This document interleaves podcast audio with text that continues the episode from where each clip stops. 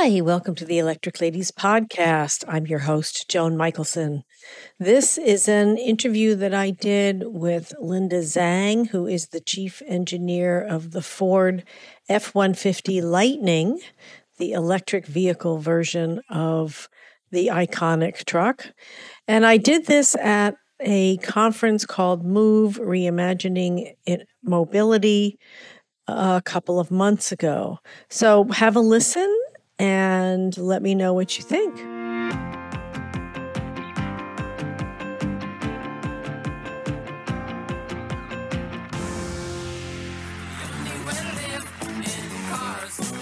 Thank you, Richard.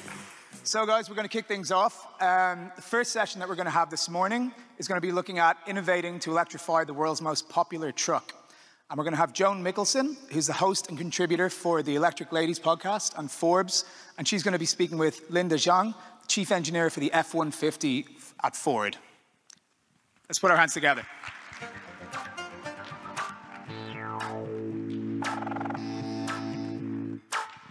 Good morning. Is anybody there? Hello? Do you need more coffee? Like, hello, good morning. Thank you. Okay. I have two mics, good. In case we have a backup. I'm Joan Michelson. I'm host of Electric Ladies podcast. I write for Forbes as well. Um, I am thrilled to be interviewing Linda Zhang of Ford.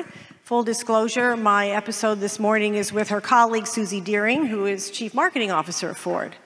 So um, if you go to Electric Ladies podcast, you could listen to that too. Um, the Ford F 150 Lightning really personifies mobility reimagined.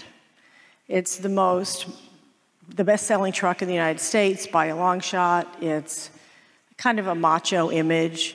Um, it really shows the evolution of the electric vehicle, of vehicles, period.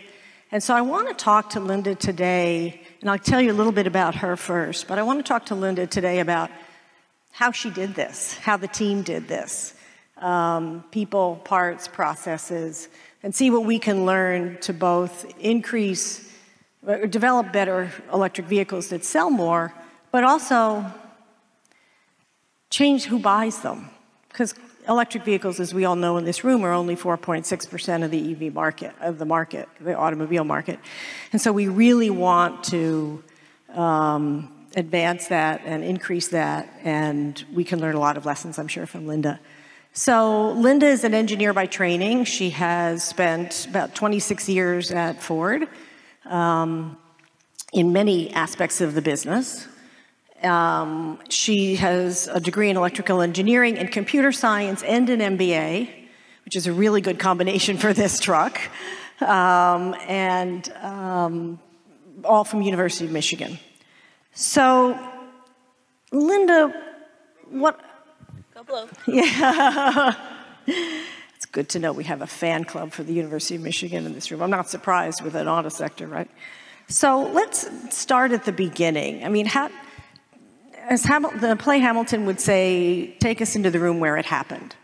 How do you start developing an F 150 uh, electric version? Did you start with, we need an electric truck, or did you start with, we're going to completely reimagine the F 150 and, kind of take us through your decision making process.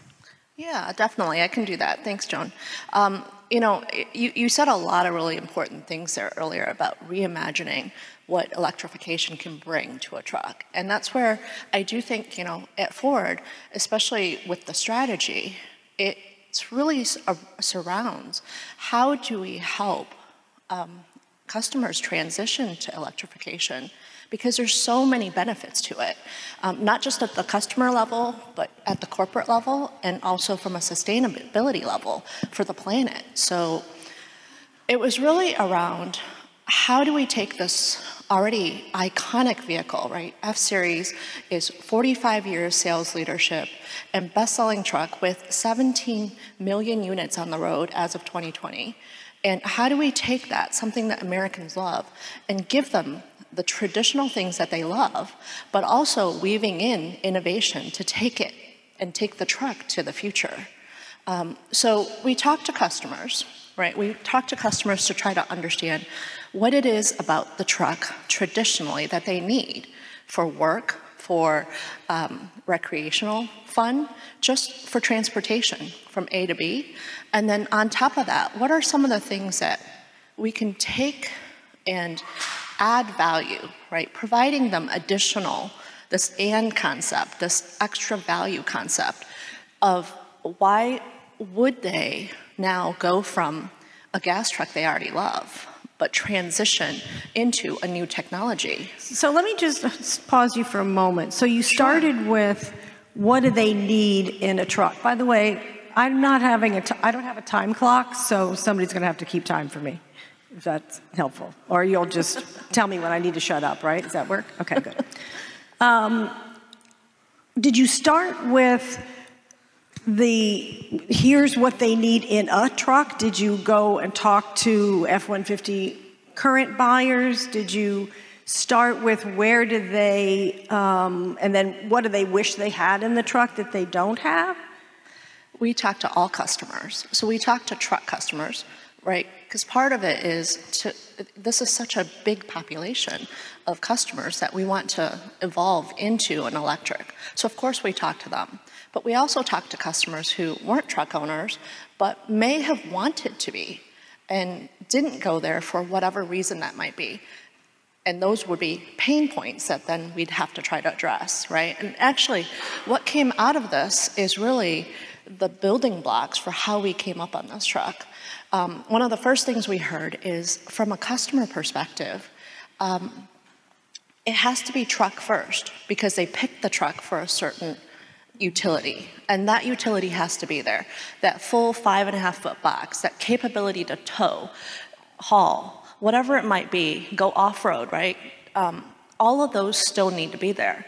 But in addition to that, we could bring in so many new elements for electrification that either fixes the pain point that they had or they didn't even know they had. So, for example, now with a fully battery electric vehicle, um, the battery's on the bottom, basically between the wheel axles. And um, with that, you don't have an engine. So this whole compartment is opened up for a pain point that we can solve now, right? Which is dry lockable storage. Customers for trucks. That's the that's the frunk, as I recall. That's the Mega Power Frunk. yes, front trunk. Be careful how you say that one. um, but Customers opted for the truck because they wanted the utility of the bed. And with that, they gave up their trunk, which is a dry lockable storage that a car or SUV would have. But now we're able to give them the best of both worlds, right? Bringing that in that tradition of a truck, but also giving them something new, this extra value that they didn't have before. And then similarly, as we think about electrification, particularly with power and energy. How do we use this truck now with the giant battery underneath as a mobile generator, right? Whether it's on the go for Pro Power on board so they can power up anything they want at a tailgate, job site, off in the woods, wherever they are, or using it as a backup generator for their entire wow. home ecosystem in a power outage. And I wonder if anybody are, in Florida has one right now. They could use it in helping with the hurricane. Right. And e- even here in Texas and out in California, there's been a lot of power outages recently where this truck would have really been, you know, uh, monumental in a way yeah. in terms of helping customers with, you know, life.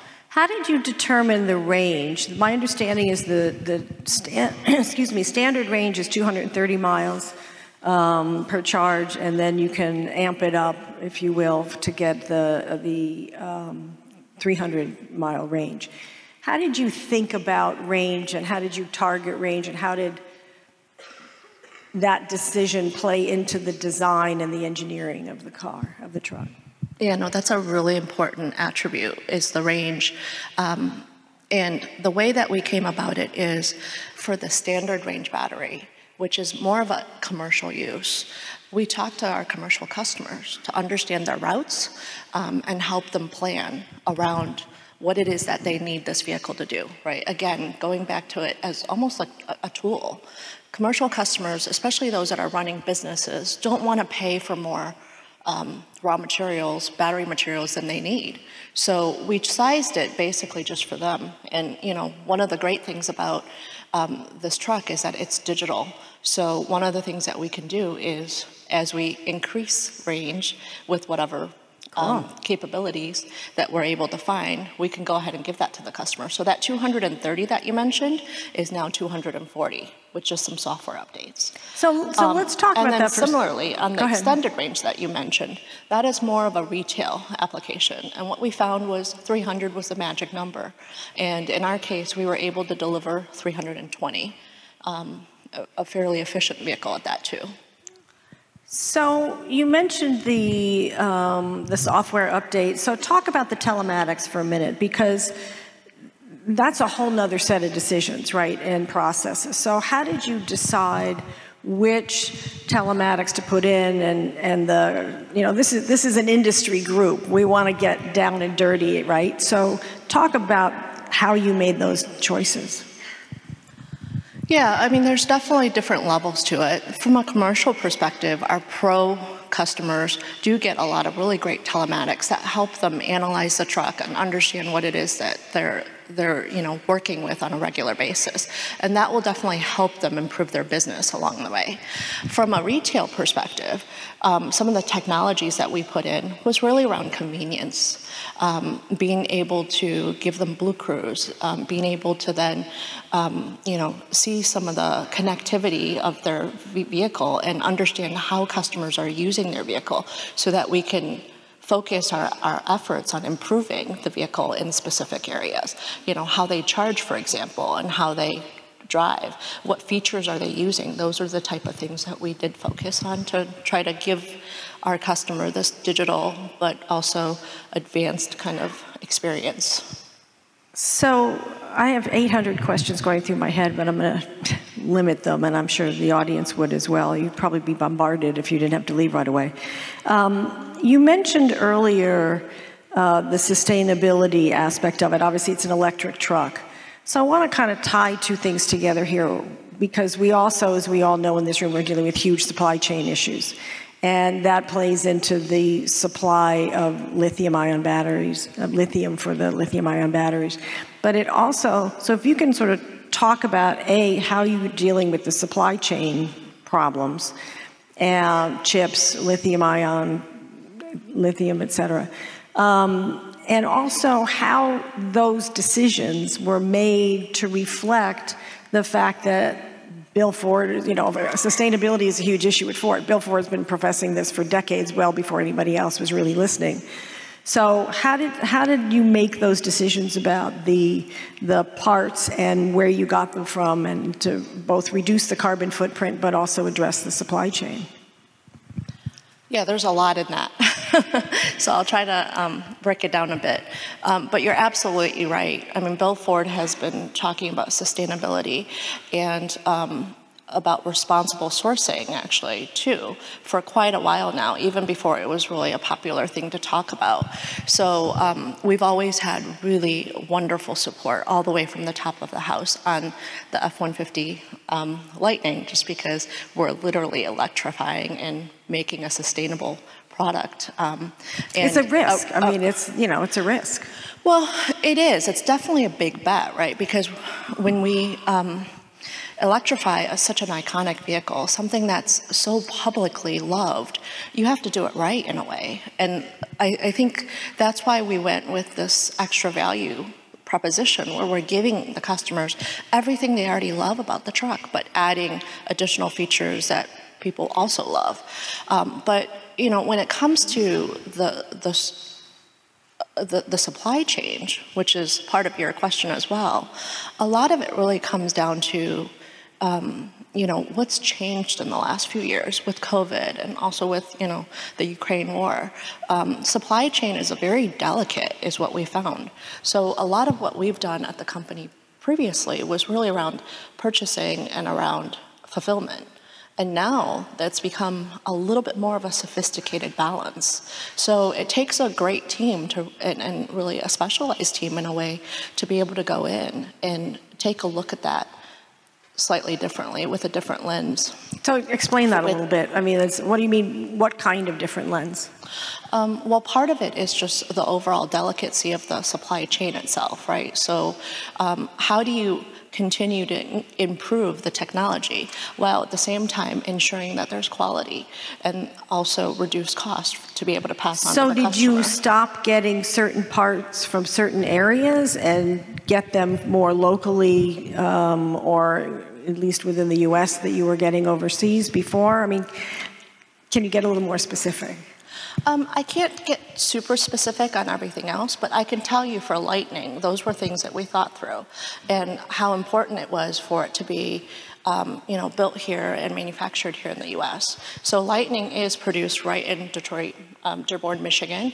Um, our battery plant and our motors plant um, are really just down the street at Rawsonville and at Van Dyke, um, both in Michigan. Um, a lot of our commodities for, from a supply base are also locally within that area.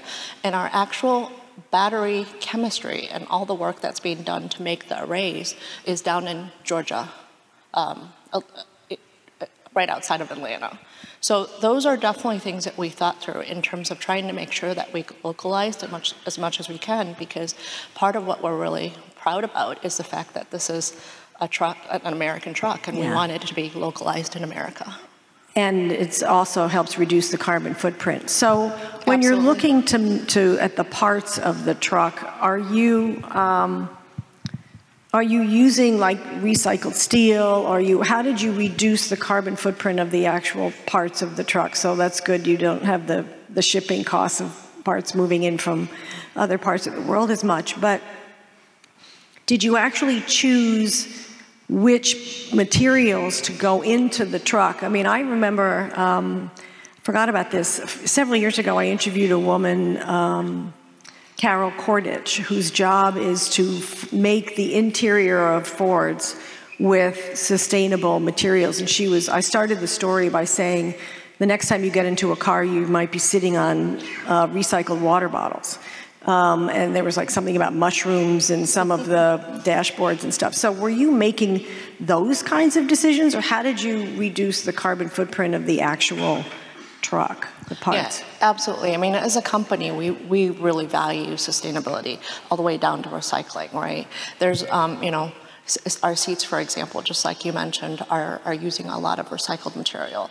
Um, some, some of our products are basically produced by recycling fishing nets out in, you know, in, in and getting those in vehicles. So, you know, there, there's definitely a lot of that aspect of things. But I think also importantly is this, from a manufacturing perspective, right? Having this in um, at the Rouge site is actually really um, great because for the Dearborn truck plant, we have, you know, the, the grass roof on top, which really works to recycle the water and help produce, um, you know, oxygen back into the atmosphere. Similarly, at the Rouge Electric Factory right next door to it, um, you know, the, that facility was designed to be um, carbon neutral. So.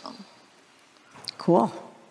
Circular economy. Are you recycling the steel that is and the parts that are left over the waste material as well? we try to recycle everything we can, right? From a, not just a sustainability perspective, but also from a cost Yeah, perspective. yeah. Being able to put that back into the system and, um, you know, get value out of that rather than sending it to the, the scrapyard. So when I interviewed Suzy Deering, she told me that uh, 76% of the, uh, I think she told me this, that 76% of the drivers or the new bu- the buyers of the F-150 Lightning are new buyers. So what can you what, share with us that we can learn from the way the truck is designed and marketed, et cetera, to help broaden the adoption of electric vehicles by more types of people and more people in general. And we'll set the need for charging aside for the moment, but just in terms of the design, the engineering, and the marketing of the of this as an electric vehicle. Obviously, we need to amp this up, and, and Ford and GM and other automakers are going all electric, so you need it from a cost and revenue perspective, right? So what can what can we learn from that, from your experience? Yeah, and it, you know it's still very early days for our customers, but what we have seen is about half of our customers for Lightning specifically are new to truck. Right, going back to kind of what we talked about earlier, that it's not just truck customers, but also customers that really wish they had a truck, but that you know they they now are like I can do this because it solves so many pain points and does so much um, more in terms of the functionality of this vehicle. So half of them are about new to truck. About two thirds of them are new to EV. And as you said, 76% or three fourths of them about is new to Ford. And we're really excited about being able to bring this new customer set into Ford and showing, you know, basically including them as part of our family. It's a really exciting time. But what can and we what can we learn from your experience to help all of us increase the adoption and expedite um, sell more of the more electric vehicles and more quickly? Yeah, and I think a lot of it comes back to kind of our, our basic um, principles at the beginning of listening to customers, right? Listening to them in terms of what it is that they want. Um, for, for this truck, it was very much about um, being able to keep with the traditions of the truck even down to the appearance side of things, right? Making it look like a truck. Uh, you know, we heard from customers that literally said, you know, it needs to be a truck first. If my five year old drew it, it needs to look like a truck. So, you know, keeping with those traditions and meeting them halfway in a way, but then also bringing this very, very new aspect and ground up design from the bottom and from the underpinnings of vehicle to give them that new propulsion, right? With the battery, the motors, the all new rear independent suspension, which is also a truck first, right? To give it that elevated ride. Those are some of the things that you know, we've done while adding on these features that are just going to be, in a way, um, irresistible from an electrification perspective and really shows the positives, right? Um, what we've tried to do with this truck is really do bring out the best of both, bringing out the best of a truck and bringing out the best of an electric vehicle.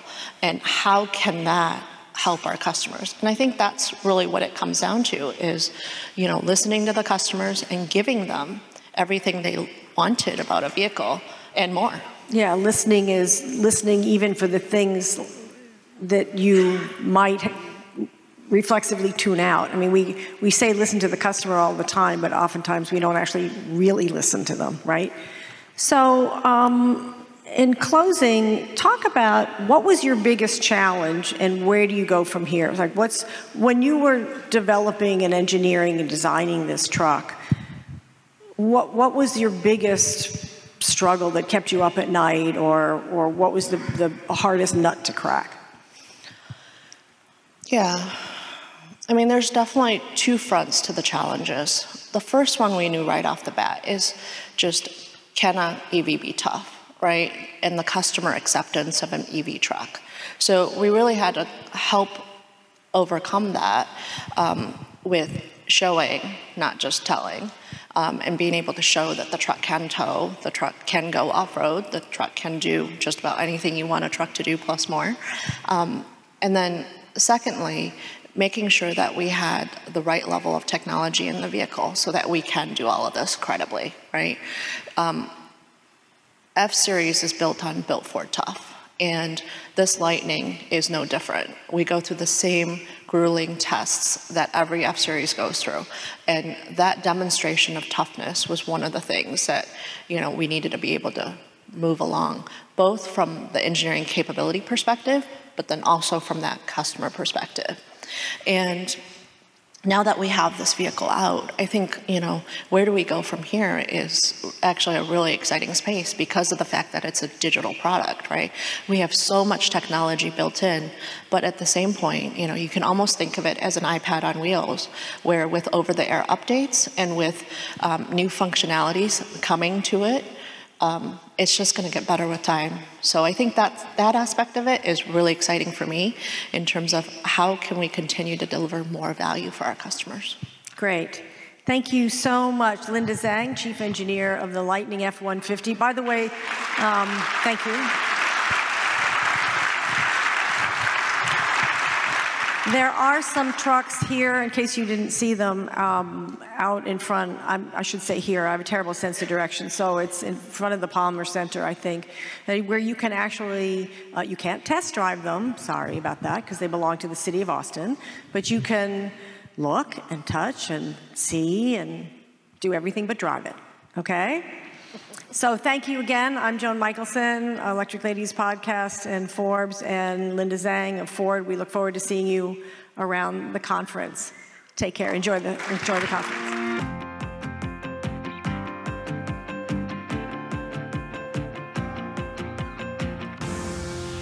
Hi again. So, what did you think? Let me know if it made you more interested in getting an F 150 Lightning or what you got out of it, send it to me, uh, post it to me on Twitter at Joan Michelson, and you might win a 30 minute coaching session with me. Looking forward to your comments. See you next time.